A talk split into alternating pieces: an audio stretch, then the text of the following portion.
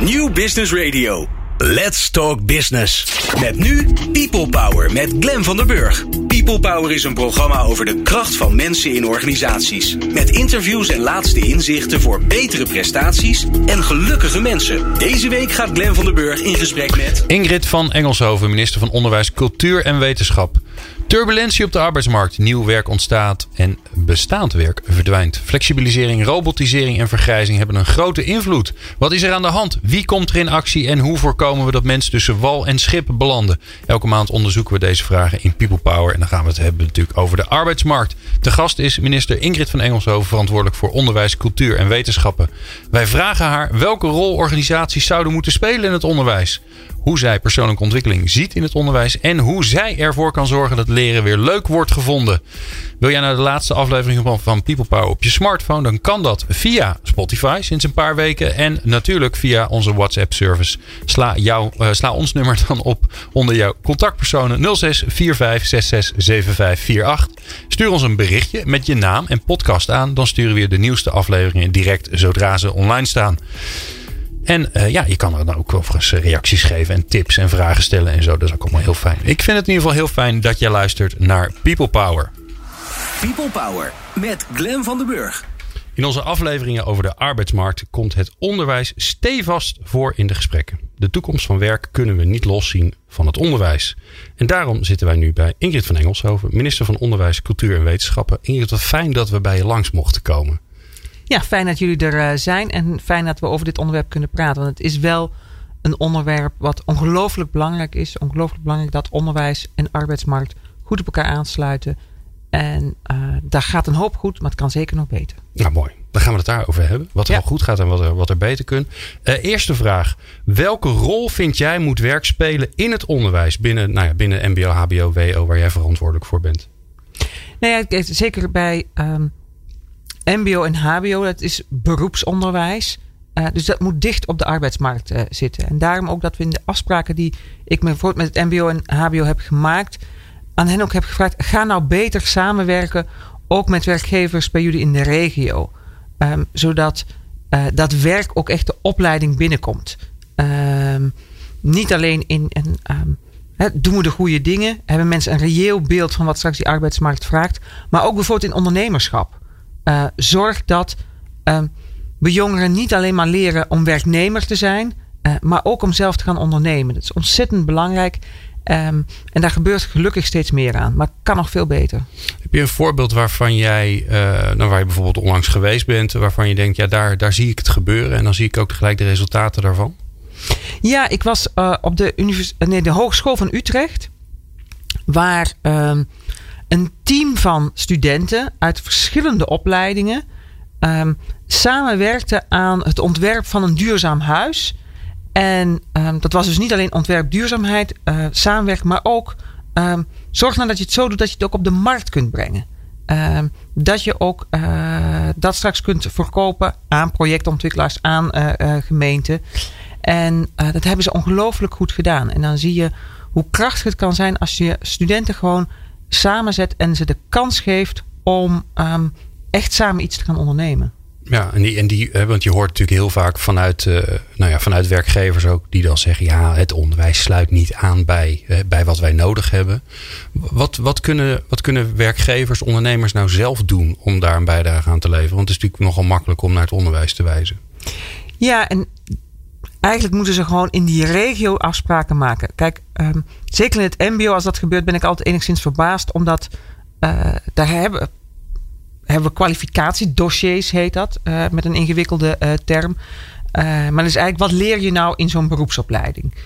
En dat wordt niet alleen door het onderwijs vastgesteld, maar dat wordt gewoon door het onderwijs en ondernemers, de werkgevers, gezamenlijk vastgesteld. Dus ik zeg altijd, als jullie vinden dat het niet aansluit, dan ben je daar zelf debet aan. Um, dus werk samen en praat daar samen over.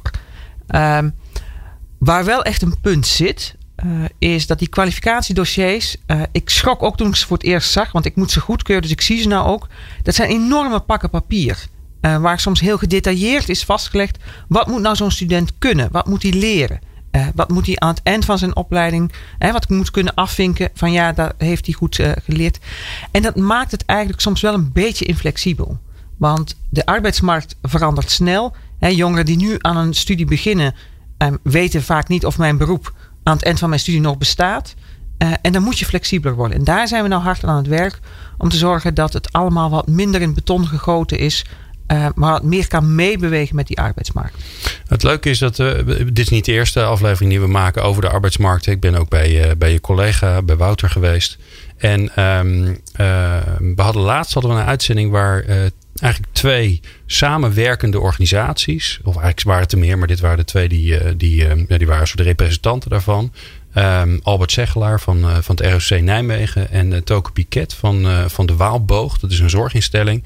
En die, die hebben een soort ja, conglomeraat gevormd om juist die samenwerking op te zoeken. Nou, uitermate interessante uitzending. Maar ik heb ze ook gevraagd, want ik wist dat ik bij, bij jou langs mocht komen. Dan heb je nou nog een vraag aan de minister. Nou, hè, dat is natuurlijk altijd een voorrecht als dat mag. Zo, zo eenvoudig is dat niet. Terwijl aan de andere kant, je kunt ook gewoon een mailtje sturen. Hè. En wat was hun vraag? Nou, let goed op. Ik heb, ze, ik heb ze meegenomen in mijn laptop. Dus als het goed is, eh, ga je ze horen.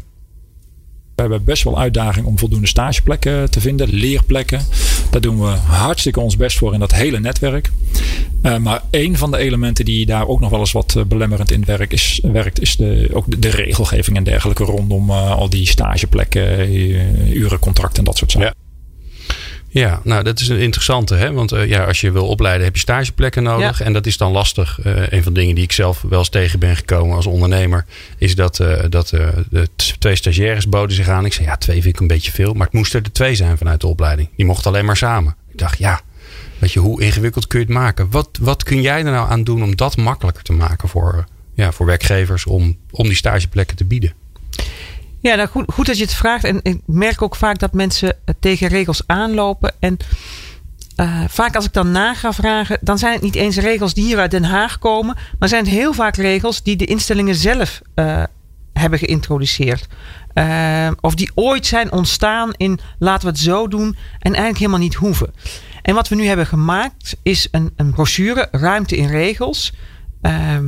die gaan we ook naar docenten in het MBO sturen, maar die kunnen ook uh, werkgevers gebruiken.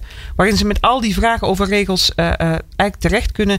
En waar we kijken van, is hier nou een mouw aan te passen? Um, we gaan ook een brigade inrichten. een, een ontregelbrigade eigenlijk. Waar we zeggen van ja, die gaan iedereen helpen om te kijken van ja, kunnen we nou wat van die regels opruimen? want ik herken het gevoel op heel veel plaatsen van ja, er is zoveel geregeld. En uh, wij zitten elkaar hier af en toe.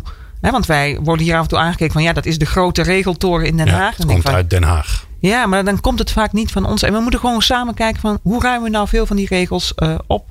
En er kan volgens mij. Uh, is er heel veel meer ruimte dan nu uh, gebruikt wordt. Dus daar hopen we mensen mee te gaan helpen. En als er dan toch regels zijn waar men tegenaan loopt en zegt van ja, die komen toch echt uit Den Haag. Um, nou ja, dan graag uh, deze vragen, een mailtje, telefoontje. En dan gaan we kijken, is daar nou een mouw aan te passen? De ontregelbrigade, dat fascineert dan gelijk zo'n naam. Hè? Hoe gaat het eruit zien? Want ik zie dan een soort uh, E-team-busje rondrijden met mensen die allemaal uh, op pad gaan en dingen gaan zoeken. Ja, zo, zo, zo wordt het ook ongeveer. Ja, ik weet niet of ze echt in een busje gaan zitten en gaan rondrijden. Maar het zijn wel echt mensen die beschikbaar komen om vragen van uh, bijvoorbeeld docenten van instellingen uh, te beantwoorden. Van ik loop hier tegenaan, kan het ook anders? Mag dat ook anders? Ja, mooi. Um, er was, nog een, een, een, een, dame ook, Toke Piquet. Zij is de voorzitter van de Raad van Bestuur van de Waalboog. En ook nog eens een keer, volgens mij, voorzitter van de Raad van Toezicht van, van de regionale werkgeversvereniging Aldaar. Um, en die heeft ook een vraag aan je toen ik zelf van mijn opleiding afkwam, toen was er een enorme werkloosheid. Er was er 14% werkloosheid. Uh, nou, en nu is het personeel in de zorg en aanverwant niet aan te slepen. Uh, wat ik interessant zou vinden is hoe kun je beleidsmatig hè, uh, de trend zo goed inschatten als minister en als kabinet. dat je met elkaar maatregelen treft die minder zo conjunctuurgevoelig zijn. Ja. Good old varkenstheorema, hè? Ja, en het is, um, dat is heel moeilijk uh, te doen. En um, we kijken daar ook wel naar, en dat is vaak de vraag die ik krijg, uh, dat noemen we dan macro-doelmatigheid. Bieden we voldoende plaats aan of niet te veel plaats aan, gelet op de arbeidsmarkt? En dan, hè, dat zagen we in de zorg, was het een aantal jaar geleden heel helder. Uh, toen um, nou, mensen werden ontslagen, er was steeds minder uh, werk en nu kunnen we de mensen bijna niet aanslepen. Wat wel interessant is, um, want bijvoorbeeld ook de bouw klaagt nu heel erg over uh, tekort aan mensen. maar die hebben zelf in de laagconjunctuur heel veel BBL-plaatsen, dus waar je opleidt in het bedrijf, geschrapt. Uh, en dat snap ik ook nog wel vanuit het perspectief van het individuele bedrijf. Het gaat moeilijk, minder opdrachten, minder geld binnen. Ja, je moet wel zorgen dat je bedrijf gezond blijft. Dus nou ja, dat wordt dan maar geschrapt. Maar de metaal heeft het heel anders aangepakt. Die hebben gezegd van nou, dat kan dan misschien niet voor ieder bedrijf individueel. Maar laten we dat nou collectief met elkaar organiseren. Want we weten dat na iedere dip komt er weer hoogconjunctuur en hebben die mensen hard nodig.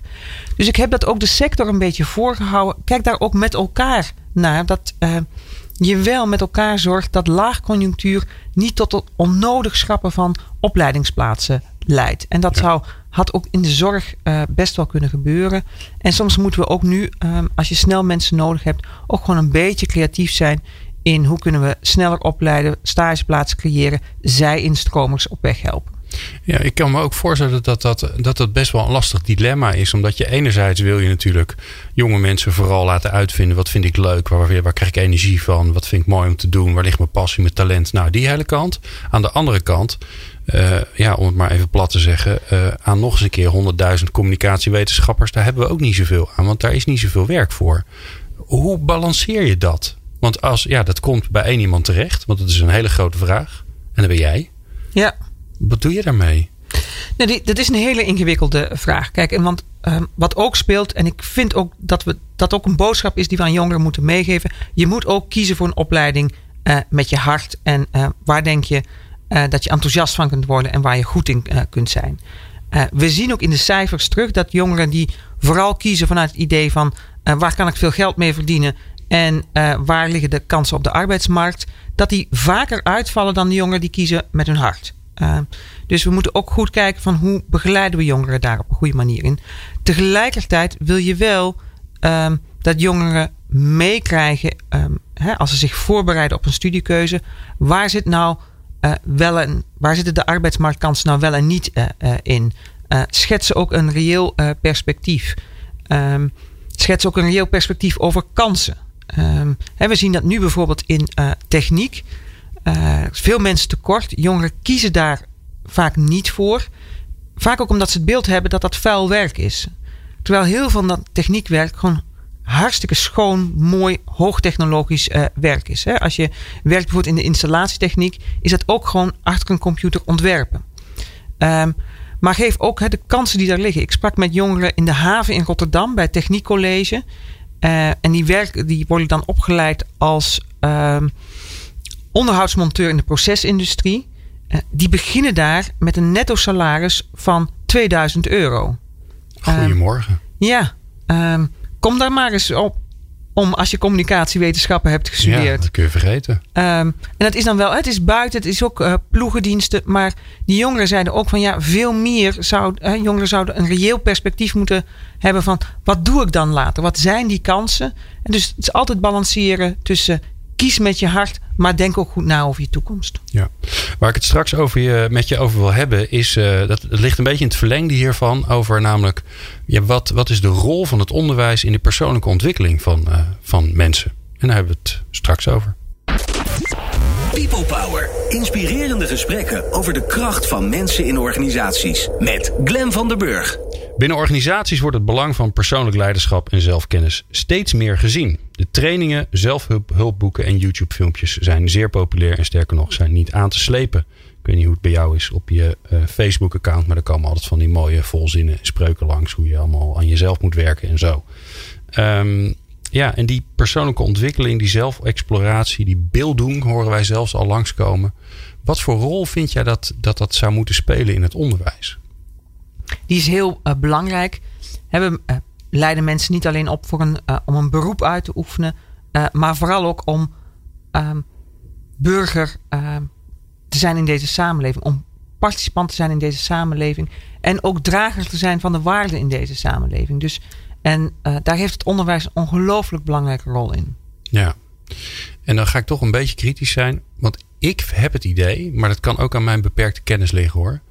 Dat het nog best wel een hoop in ontwikkeld moet worden. Omdat er toch nog wel heel veel op kennis ingezet wordt. Zeker. En kijk, we zien ook de afgelopen jaren was er een beetje een trend naar uh, heel erg hamer op rendement en op studiesucces. En uh, zoveel mogelijk mensen nominaal laten studeren. En um, naast vakken als burgerschapsvorming in het middelbaar beroepsonderwijs. Hebben studenten ook in het hoger onderwijs tijd en ruimte nodig om te werken aan hun eigen ontwikkeling. En dat kunnen ze doen in activiteiten naast hun studies, bestuursfuncties, vrijwilligerswerk. Uh, maar soms ook om misschien wat extra keuzes te vakken te doen. Waar je denkt van ja, dat is misschien. Heb ik niet helemaal nodig voor mijn diploma. Maar is wel goed voor mijn eigen ontwikkeling. Ehm, om, en ik hoop dat heel veel studenten dat gaan doen. Een paar maanden naar het buitenland. Hè, kun je met een Erasmus-beurs doen. Hè, een paar vakken in het buitenland doen. En zorgen dat je ook die internationale er ervaring hebt. Is enorm vormend. Gun ik iedereen. Dus ja, daar is ook tijd en ruimte voor nodig. Hè. Dus we moeten studenten ook tijd en ruimte geven om dat te doen. Um, en zeker in het middelbaar beroepsonderwijs, maar ook in het primair en voortgezet onderwijs, moeten we zorgen dat hè, wat we dan noemen burgerschapsvorming voldoende aandacht krijgt. Ja, nou ja, dat is natuurlijk als je. jij bent verantwoordelijk voor de voor de, nou, misschien wel de meest intensieve periode waarin je, waarin je kennis tot je neemt. Uh, tenminste, dat zou zo moeten zijn. En uh, uh, ik zit even aan mijn eigen studietijd terug te denken. Daar deed je ook heel veel andere dingen die daar helemaal niet zoveel mee te maken hadden. Maar dat nou ja, is een kennis, kennis doe je je hele leven op. Hè? Dus dat moet ja, ook niet meer zo zien. Dat je dat uh, alleen in de jaren studie doet. We moeten steeds meer toe. Heb je vast met collega Wouter Koolmees ook over gesproken. Leven lang ontwikkelen. Dus kennis uh, en vaardigheden ontwikkelen doe je tegenwoordig je hele leven. Nou, juist daarom denk ik, uh, het is mooi dat je, dat je zeg maar tussen je, nou wat is het, je, je 18e en je 24e zo'n beetje heel veel kennis opdoet. Maar we weten ook dat die kennis heel snel veroudert. En dat je dan juist eigenlijk heel veel hebt aan snappen wie je bent, wat je leuk vindt, waar je passie ligt. En ik hoor dat toch wel heel vaak terugkomen dat dat er ja, snappen waar je, waar je je tijd en je energie in wil stoppen, dat dat best wel lastig is voor mensen. Um, en zeker uh, bijvoorbeeld binnen, binnen de universitaire wereld is daar toch weinig ruimte voor. Dus, en ik hoor jou al zeggen van ja, dat, ik vind dat daar meer ruimte voor moet zijn. Wat kun jij daar dan aan doen? Om, om dat toch wat meer voor het voetlicht te laten komen? Nou ja, ik, ik werk nu bijvoorbeeld aan een beleidsbrief. Uh, die gaat over kansengelijkheid en toegankelijkheid van het hoger onderwijs. En um, daar probeer ik nou juist te kijken, niet alleen hoe zorgen we dat iedereen kans heeft om toe te treden tot het hoger onderwijs, maar ook de kans heeft om echt dat diploma te halen. En dan ook nog een beetje de ruimte krijgt om zichzelf uh, uh, te ontwikkelen. Dus uh, waar misschien de afgelopen jaren steeds meer druk op uh, universiteiten en hogescholen zijn gezet van zorg nou dat die studenten snel afstuderen. Um, en dat doen ze. Hè. We zien echt uh, het studiesucces, uh, studiesucces in Nederland is behoorlijk hoog.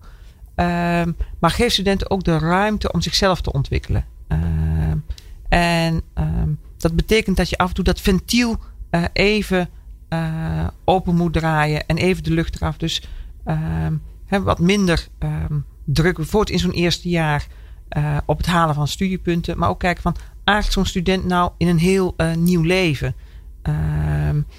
Uh, is er tijd om activiteiten daarnaast te doen? Is er bijvoorbeeld ook voor studenten uh, tijd om een bedrijf ernaast uh, te starten? Of wat ik bijvoorbeeld zie bij een aantal TU's die dat fantastisch doen, om samen te werken aan nieuwe ontdekkingen. Hè, aan zo'n Solar Challenge, wat ze bijvoorbeeld in, in Delft doen. dat kost studenten heel veel tijd. daar zijn ze vaak een jaar mee kwijt. Dat is echt een studie verder moeten stilleggen. Maar je komt daar wel als een veel krachtiger persoon uh, uit. Die, uh, heeft leren samenwerken in een team. Die heeft leren uh, ondernemen. Die heeft leren een uitdaging aan te gaan. met elkaar in zo'n wedstrijd deelnemen. Hè, en zo'n auto naar Australië te kijken. Dus er komt enorm veel bij kijken. Maar je ziet wel echt dat mensen daar echt rijker van worden. En daar moet nou ook echt de ruimte voor zijn uh, bij uh, studenten. Dat is enorm vormend. En het zijn ook vaardigheden die je in deze samenleving juist nodig hebt. Hè. Goed kunnen uh, samenwerken. In een team werken. Ehm, blijven ontwikkelen. Om je heen blijven kijken.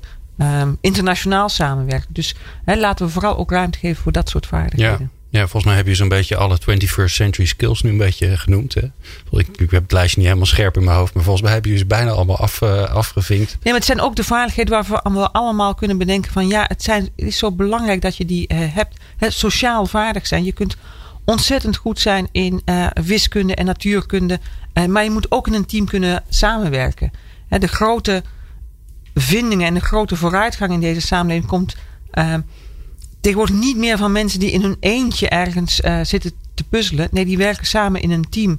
En vaak ook met mensen uit andere disciplines. Ja. En samenwerking tussen uh, bijvoorbeeld mensen die uh, een beta-achtergrond hebben en mensen uit de geesteswetenschappen is heel erg nodig om te zorgen dat innovaties ook landen in de samenleving. Dat oplossingen door de samenleving worden geaccepteerd. Dus uh, ja, die vaardigheden zijn ontzettend belangrijk. Ja, en die, die vind ik wel grappig, hè? want die, die samenwerking tussen faculteiten, misschien wel tussen, tussen universiteiten onderling, daar kan natuurlijk ook heel veel in zitten. Hè? Je noemde uh, net al even de, de Hogeschool Utrecht, die dus uh, ja, een soort interdisciplinair team hadden die een duurzaam huis gaat bouwen dat zijn natuurlijk wel uiteindelijk, hè, los van de kennis die je opdoet en de, de diepte die je in moet gaan, maar is dat hetgene wat je, hè, dat zo ziet werk eruit. Hè, daar zit je vooral met, en zeker hoe werk zich ontwikkelt, veel meer met mensen die, die niet doen wat jij doet, die mhm. juist wat anders doen en waar je dus mee, die ook moet snappen, dan dat je de hele tijd maar met z'n allen met marketeers of allemaal communicatiemensen of met allemaal deskundigen zit. Ja, en je ziet ook hè, in toenemende mate, daar is uh, deze tijd ook anders, denk ik, dan in de tijd dat ik zelf uh, net toetrad op de arbeidsmarkt. Hè, maar de, uh, de diversiteit in teams en in bedrijven uh, is nu veel groter. En de noodzaak daarvoor is ook veel groter. En ik zie ook wel interessante ontwikkelingen. Ik was laatst op werkbezoek bij de TU Eindhoven. En die gaan ook samenwerken met de Universiteit Utrecht. Juist omdat ze die geesteswetenschappen nodig hebben. Om te zorgen dat innovaties maatschappelijk worden geaccepteerd. En dat zijn hele leuke samenwerkingen. Ik vind het altijd enorm inspirerend als ik die teams van studenten samen zie werken. Maar ook uh, samenwerking niet alleen hè, tussen uh, wetenschappelijk opgeleiden, maar ook tussen mensen van universiteiten, hogescholen en MBO'ers. Mm. Want uiteindelijk moeten innovaties wel gemaakt worden. Ja, zeker. En ik zag uh, bijvoorbeeld bij Astron in Drenthe. Uh, hoogwetenschappelijk, sterrenkundig onderzoek. Uh, maar daar lopen ook gewoon MBO'ers rond die ervoor zorgen dat alles wat daar bedacht wordt, uh, dat het wel gemaakt kan worden. En dat een uh, telescoop, ja, het is leuk om dat op de tekentafel uh, te ontwerpen. Maar er is wel iemand die het in elkaar moet zetten en die daarna moet kijken van, ja, is dit maakbaar? Kun je, kun je dit produceren? En uh, die samenwerking zijn ook voor, voor mensen ontzettend leuk. En dat lijkt me dat je, hè, want hier in Den Haag maken jullie beleid. Nou ja, volgens mij het, het, het verhaal uit, de, uit het werkveld is ook, misschien moet je dat wat minder doen en ons wat meer de ruimte geven. Maar ik kan me ook voorstellen dat als jij ziet dat die samenwerkingen hè, nou ja, tussen MBO's, HBO's, WO's, WO's onderling, dat het zo belangrijk is, dat je er wel wat aan wil doen. Wat, wat, ja, wat, wat ligt jou dan? Hè, wat past bij jou als minister om, daar, om dat dan in beweging te zetten? Um, vaak niet, uh, zit het niet vaak in meer wetten maken, misschien zelfs minder, maar vooral ook. Um, laten zien dat je die samenwerking waardeert. Ik vind altijd dat je daar een rol in hebt te vervullen. Maar wat we heel erg doen is zorgen dat, ehm, dat in de regio, want het is ook vaak ook dicht bij elkaar stimuleert samenwerking, dat je dat bevordert. En, um, we hebben bijvoorbeeld iets als het Regionaal Investeringsfonds. Uh, waar we innovaties uh, met name in het MBO aanjagen. Maar je ziet daar ook dat ook, ook samengewerkt met het hoger beroepsonderwijs. Waarin je zegt van ja, als nou uh, een overheid, bedrijfsleven en onderwijs met elkaar bij mij komen met een aanvraag voor innovatie, dan ga ik die honoreren. Maar het moet wel in die samenwerking zitten. En we zien gewoon de afgelopen jaar dat het ongelooflijk goed werkt. Dus om die reden hebben we dat regionaal investeringsfonds ook verlengd. Uh, dat laat zien uh, dat het gewoon heel goed werkt. Dat zijn gewoon hele mooie voorbeelden. En die moet je ook gewoon uitventen. Eh, want daar kunnen we nog veel meer mee. Ja, want jullie vertellen die verhalen ook want ja. ik kan me voorstellen dat er in, in, regio's hele mooie dingen gebeuren. Maar ja, omdat het daar gebeurt, ziet de rest van Nederland het niet. Nee, je moet zorgen dat het met elkaar gedeeld wordt. En af en toe helpt het ook als je als minister ergens langs gaat om dingen in beeld te krijgen. En, en dan um, gaat toch vaak de, de pers mee. Of we maken er zelf een verhaal over. maar het is vooral heel belangrijk om te zien. Hè, laat zien waar dat goed gaat. En um, hoop dat anderen het navolgen. Mooi. Ja, we, we, we gaan zo naar het laatste blokje. Um, en de, de, de uitdaging is wel eh, dat wat ik heel veel tegenkom, is dat mensen leren eigenlijk helemaal niet meer leuk vinden. Dat ze leren een stom woord vinden en dat ze daar allerlei beelden bij hebben van vroeger in de schoolbanken zitten. En ik ga straks aan minister Ingrid van Engelshoog vragen wat ze daaraan gaat doen om te zorgen dat leren weer leuk wordt. People Power met Glen van der Burg. Meer luisteren? people-power.nl Leren is niet leuk. Of tenminste, dat is het beeld dat veel mensen in organisaties hebben. Ze willen niet meer in de school of collegebanken. Best ingewikkeld, aangezien wij ons leven lang zullen moeten blijven leren. Nou, uh, mevrouw van Engelshoven, ik spreek u even formeel aan nu. Want uh, dat, dan heb je ook gelijk door dat het wat strenger is. Um, als ik het heel onaardig zeg, en zo bedoel ik het niet, maar ik doe het toch, want dan is het scherp. Dan um, heeft het onderwijs, en ik hoor dat in heel veel gesprekken die ik heb in mijn programma terug, heeft het onderwijs ervoor gezorgd in het verleden dat mensen leren niet meer leuk vinden. En, en daar hebben ze last van in organisaties. Want die moeten leven lang leren en duurzame inzetbaarheid en al die dingen die we, die we allemaal weten. Maar ja, als je het leren niet meer leuk vindt, dan heb je een aardige uitdaging. Hoe, hoe, hoe zie jij dat? Als je dit hoort, wat, wat, wat doet dat met je? Ja, het is heel jammer hè, dat mensen, uh, we noemen dat met een uh, deftig woord, hebben het dan over negatieve leerervaringen. Uh, maar je ziet wel dat veel mensen die, die hebben. Ehm, en dat mensen vroeger vaak eindeloos erop werden geweest dat ze dingen vooral niet konden. En die eindeloos zijn gestruikeld over een vak of iets wat ze niet konden. En gelukkig is er wat dat betreft ook wel veel veranderd in het onderwijs zelf. als, als ik tegenwoordig in klassen kom, is het toch vaak kijken naar wat jongeren wel kunnen en ze daarop waarderen. En, um, Doen we dat al genoeg, vind je? Nou, kan, kan nog meer hebben. Uh, alles kan altijd beter. Maar wat ik bijvoorbeeld een hele positieve ontwikkeling vind, is dat we. We zien bijvoorbeeld in het middelbaar beroepsonderwijs. Ehm, zien we jongeren echt die.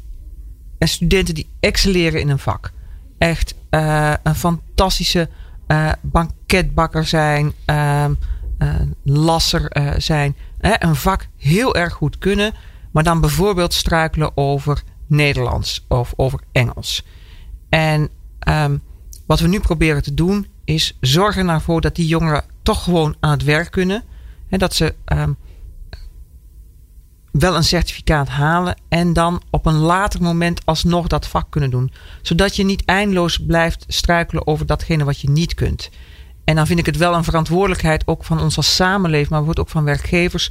Zorg dan dat je later iemand wel de tijd en de ruimte geeft om alsnog uh, dat ene vak te halen, zodat hij echt een volledige uh, startkwalificatie heeft, hè, een volledig diploma uh, heeft. En ik denk ook dat we creatiever moeten worden als het gaat om leren. Je zegt zelf terecht, mensen mogen straks le een leven lang blijven ontwikkelen. We moeten dat ook, hè, dat is niet moeten, het mogen. Nee, ik vind het fantastisch hoor. Ja. Ik heb heel veel lol in leren, maar wel omdat ja, ik het ik, leuk heb gemaakt voor mezelf. En ik, ik, vind ook dat we dat naar mensen moeten uitdragen van het is ook mogen. Het is fantastisch om jezelf te kunnen blijven ontwikkelen en zorgen ook dat je mee kunt blijven doen in die samenleving en op die arbeidsmarkt. Uh, maar dat betekent wel dat we dat aantrekkelijk moeten maken. Dus dat betekent ook dat we uh, niet mensen dagenlang in een klaslokaal moeten opsluiten en ze hè, zeg maar frontaal les gaan geven uit een uh, boekje. Dat betekent ook dat je dat op een moderne manier moet doen. Die past ook bij de tijd waar mensen in zitten. Dus hè, laat mensen op de werkvloer leren. in een bedrijf laat mensen ook.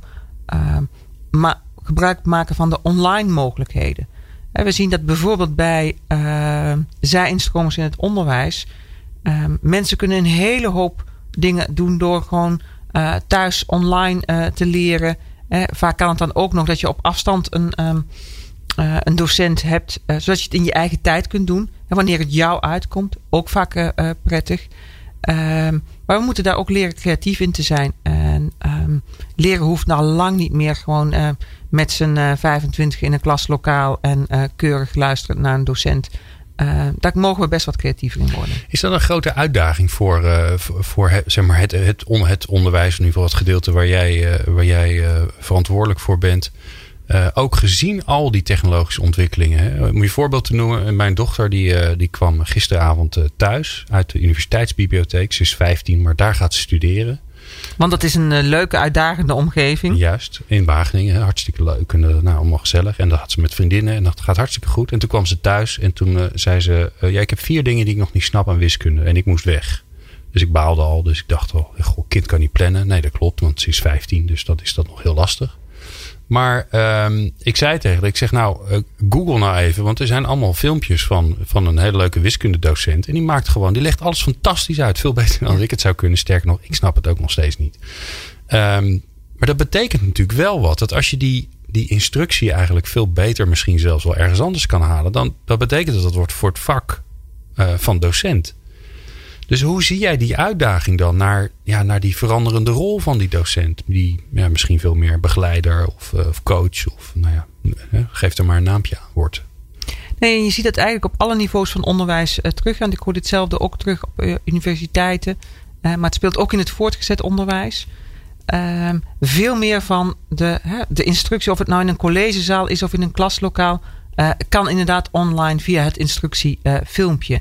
Daardoor ontstaat er ook gewoon meer tijd en ruimte om te zorgen dat die scholier of student die nog vragen heeft, um, daarvoor ook echt terecht kan. En dat daar tijd voor is en dat je daarover het, daarover het gesprek kunt hebben. Dus, en er wordt nog te weinig van dat soort mogelijkheden uh, gebruik gemaakt. Um, nou ja, en het interessante is natuurlijk zelfs. Alle colleges van alle Amerikaanse universiteiten zo'n beetje, die staan allemaal online. Dus je kan, je hebt ook, in Nederland hebben we natuurlijk fantastische professoren en, uh, en docenten, hè, fantastisch maar oh, oh, ergens, ergens anders in de wereld ook. Ja, dat is natuurlijk. Ja, ik, ik, ah, ik, vind, ik vind mijn vak heel leuk. Dus ik ben, als ik dan hierheen rij met de auto, ik ben ondertussen ben ik college aan het luisteren van een of andere Harvard professor. Dat vind ik gewoon leuk. Maar dat is, dat is natuurlijk geweldig. Ja, weet overigens dat we daar in Nederland ongelooflijk goed in zijn. Hè? Het maken van MOOCs.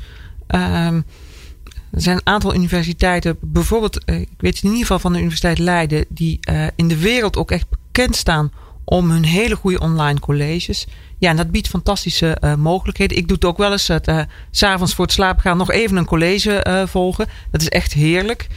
Um, maar ik mocht vorige week ook prijzen uitreiken aan zeg maar de nieuwe lichting PABO-studenten. dus het waren echt de beste studenten van de PABO's. Hè, die hadden een onderlinge competitie gehad. En dat is natuurlijk de generatie die is opgegroeid met online. En het is zo interessant hoe die zelf bezig zijn met het ontwikkelen van nieuwe leermiddelen. En er was één um, uh, van die studenten die, die, die kreeg ook een van de prijzen. En um, uh, die kwam trouwens niet van de PABO, maar van de lerarenopleiding. maar die zei van ja, dat, wat wij vroeger deden, hebben jij en ik waarschijnlijk alle twee nog gedaan, woordjes stampen bij talen. Um, eh, verschrikkelijk. En het is, hè, dit, dat zijn echt de typische dingen waar mensen in het verleden een hekel kregen aan uh, uh, leren. En want dat rijtje woordjes, dat wilde er steeds maar niet in. Zij had een app ontwikkeld waar gewoon spelletjes in zitten, waardoor je op een hele speelse manier tussen de bedrijven door diezelfde woordjes leert. Um, maar dan uh, op een hele prettige manier. En je kunt er dan ook nog een soort van slimste mens uh, wedstrijdje van maken um, met uh, andere scholieren of studenten. Um, en dus ik heb heel erg hoop ook dat een nieuwe generatie docenten heel veel van dit soort mogelijkheden gebruik gaat maken. Omdat zij zelf zijn opgegroeid met mm -hmm. online. Ja, en dat vind ik ook wel mooi. Hè? En omdat je tegenwoordig ook zelf kunt maken. Dat was vroeger ja. natuurlijk allemaal heel ingewikkeld. Hè? Dan moest je allemaal bureaus en heel veel geld. Maar dat vind ik nog wel een interessante vraag. Um, hoe, kun jij er nou voor zorgen dat, dat die ontwikkelingen bij al die verschillende docenten, want er zijn natuurlijk geweldige docenten en, en professoren die, die, die dit soort leuke dingen doen, die maken spelletjes en die hebben hele leuke werkvormen, dat die, dat die zich verspreiden. Want dat lijkt me nog, dat lijkt mij frustrerend. Dat jij, jij gaat op werkbezoek en je loopt tegen zo'n mooi voorbeeld aan. En dan, en dan kun je, jij hebt de mogelijkheid om dan te zeggen, nou, dit is leuk. En dan wordt het opgepikt en, enzovoort. Maar dat gebeurt natuurlijk nog op veel meer plekken. Dus wat kun je daaraan doen? Nou ja, dat is niet iets wat je als minister uh, afdwingt dat dat uh, gebeurt. Dat moeten ook leerkrachten en docenten vooral onderling uh, doen. En wat we wel kunnen stimuleren is dat ze met elkaar daarover in gesprek gaan en ook van elkaar willen leren. En het is ook organiseren dat er ruimte komt, ruimte en tijd voor docenten om zelf hun leermiddelen te ontwikkelen. Als ik uh, docenten spreek, wat ik vaak van hen hoor, is dat lesgeven uh, via de methode die door anderen bedacht is, uh, eigenlijk niet zo fijn is als je uh, zo'n mooi vak als docent hebt geleerd. Als je leraar bent. Maar dat het vak veel interessanter wordt als je de ruimte krijgt om die eigen leermiddelen te ontwikkelen. dus ik vind ook dat daar echt een verantwoordelijkheid ligt bij schoolleiders en schoolbesturen. Geef mensen daarvoor de ruimte. Beloon dat ook. En, um, en, is die er, die ruimte? Ja, die is er. Uh, er wordt vaak. Uh, we hebben natuurlijk echt uh, stappen teruggezet als het gaat om verplichtingen om zoveel uur in de week met leerlingen in de klas te zitten. de urennorm, zowel in het MBO als in het voortgezet onderwijs, is echt een stuk flexibeler geworden. En daar moet ook de ruimte zitten voor docenten om echt zelf te gaan ontwikkelen. En ik merk het ook als je met docenten uh, praat. Diegenen die bezig zijn met echt het ontwikkelen van hun eigen leermiddelen. Echt nadenken over hoe geef ik, uh, hoe geef ik les. Die zijn niet alleen veel interessanter vaak uh, voor hun leerlingen en voor hun studenten. maar dat zijn ook mensen die ontspanner in hun vak staan. Ook minder werkdruk ervaren omdat je meer autonomie hebt. Je bent meer eigenaar van je eigen beroep. En daar moeten we echt steeds meer naar terug. Ja. Uh, laatste vraag. Volgens mij best een lastige vraag. Maar um, we hebben het over, uh, over ook de, ja, de, de verbinding tussen, tussen het onderwijs en de arbeidsmarkten. En die zijn natuurlijk op bepaalde punten zijn ze natuurlijk verbonden. Um, hoe zie je dat met de docenten en de leraar? Want ik kan me best voorstellen dat, uh, dat juist die verbinding, hè, dus, het, dus dat leraren daadwerkelijk ook echt dingen doen in het, in het, in het normale arbeidsproces, dat het ook wel interessante kan zijn. Dus wat, wat, ja, wat zie je daar gebeuren? Zijn er daar mooie ontwikkelingen dat je zegt van ja, kijk, er gebeurt te lang? Ja, er zijn hele mooie ontwikkelingen. Wat, zeker in het MBO heb je behoefte aan docenten die met twee benen in de bedrijfspraktijk staan. En daarom uh, stimuleren wij ook ontwikkelingen als uh, de hybride en de circulaire docent. Nou, dat klinkt misschien heel erg hip, maar dat zijn. De hybride docent is een docent die een paar dagen in de week in het onderwijs werkt en een paar dagen in het bedrijf. En die heeft dus verse actuele kennis, die weet precies hoe het in zo'n bedrijf toegaat. En dat is voor studenten heel inspirerend circulaire uh, docenten zijn studenten die gaan een paar jaar in het onderwijs werken en dan weer een paar jaar in het bedrijfsleven. En dat soort uitwisseling hebben we veel meer nodig. En um, wat we ook doen is zorgen dat het voor docenten, voor mensen makkelijker wordt om die overstap te maken. Dus dat betekent dat je bijvoorbeeld voor zij-instromers in het onderwijs zijn. Mensen die bijvoorbeeld fantastische ervaring hebben in het bedrijfsleven. En zeggen van ik wil ook best een paar dagen les gaan geven. Mm -hmm. um, dat het makkelijker wordt om hun bevoegdheid uh, te, ha te halen. Want je moet wel uh, pedagogisch en didactisch onderlegd zijn. Je kunt niet iedereen zomaar voor de klas uh, zetten. Maar dat moet wel aantrekkelijk worden gemaakt om die route te volgen. En gelukkig um, bieden steeds meer lerarenopleidingen die mogelijkheden aan. En kiezen steeds meer um, mensen uit het bedrijfsleven of uit organisaties voor zo'n route. en dat is natuurlijk een hele mooie combinatie. de kennis die jij, hè, datgene wat jij zelf dagelijks leert, meteen ook weer te mogen overbrengen op studenten. Ja, Geef je zelf les? Nee, dat doe ik niet. Um, en volgens mij ook omdat ik uh, pedagogisch didactisch niet zo goed onderlegd uh, ben. In ieder geval als ik mijn eigen dochter moet geloven, ben ik daar heel erg slecht in. Ja, nou, ik zie je wel ongelooflijk veel, uh, veel in het land. dus als je Ingrid wil volgen, moet je vooral naar de Instagram kijken. En dan zie je dat ze nou ja, ik weet niet of ik weet overigens helemaal niet of andere ministers dat ook doen. Maar ik vind het opvallend hoeveel jij op pad bent en, en ja, in, de, in de praktijk rondloopt. Um, ik wil je bijzonder bedanken voor je, voor je tijd en het leuke gesprek. Het was een leuk, leuk gesprek. En uh, nou ja, dit, dit, dit, is echt gewoon heel interessant om met elkaar na te denken en te praten. Hoe maken we leren aantrekkelijker? En hoe zorgen we dat leren en werken beter met elkaar verbonden zijn? Mooi, dankjewel. Ingrid Snijhelshoven. Graag gedaan. Ja, en in de volgende aflevering van People Power gaan we het weer over een heel ander onderwerp hebben. Dan staat de mensgerichte recruitment centraal. Um, want uh, dat doen ze bij uh, de gemeente Utrecht. bij het selecteren van hun trainees. En ik, wij zijn natuurlijk ongelooflijk benieuwd hoe ze dat dan doen. En dat hoor je in de volgende aflevering van People Power. Kun je nou niet wachten? Denk je, oh ja, nee, ik, ik kan niet zonder. Wij hopen dat natuurlijk. Dan heb je nog heel veel te beluisteren. Ga dan naar peoplepower.radio. Daar vind je al onze volgens mij 187 uitzendingen ondertussen. Die je ook kunt vinden op Spotify. Even googlen, of even, googlen, even zoeken op Spotify. People Power uh, podcast. Uh, of op iTunes. Of uh, nou, noem maar op alle andere kanalen. En mocht je nou denken, ja, hoe werkt het allemaal? We hebben ook een uitleg staan op onze website op peoplepower.radio. Waarin, je, waarin we je uitleggen hoe je je kunt abonneren op de podcast. Op al die platforms die er zijn. Nou, wij hopen dat je gaat luisteren. en mocht je nou tips, opmerkingen of iets dergelijks hebben, dan kan dat ook. Dan stuur je dat naar info@peoplepower.nl. Ik vond het in ieder geval bijzonder fijn dat je nu hebt geluisterd naar People Power. Meepraten of meer programma's? people-power.nl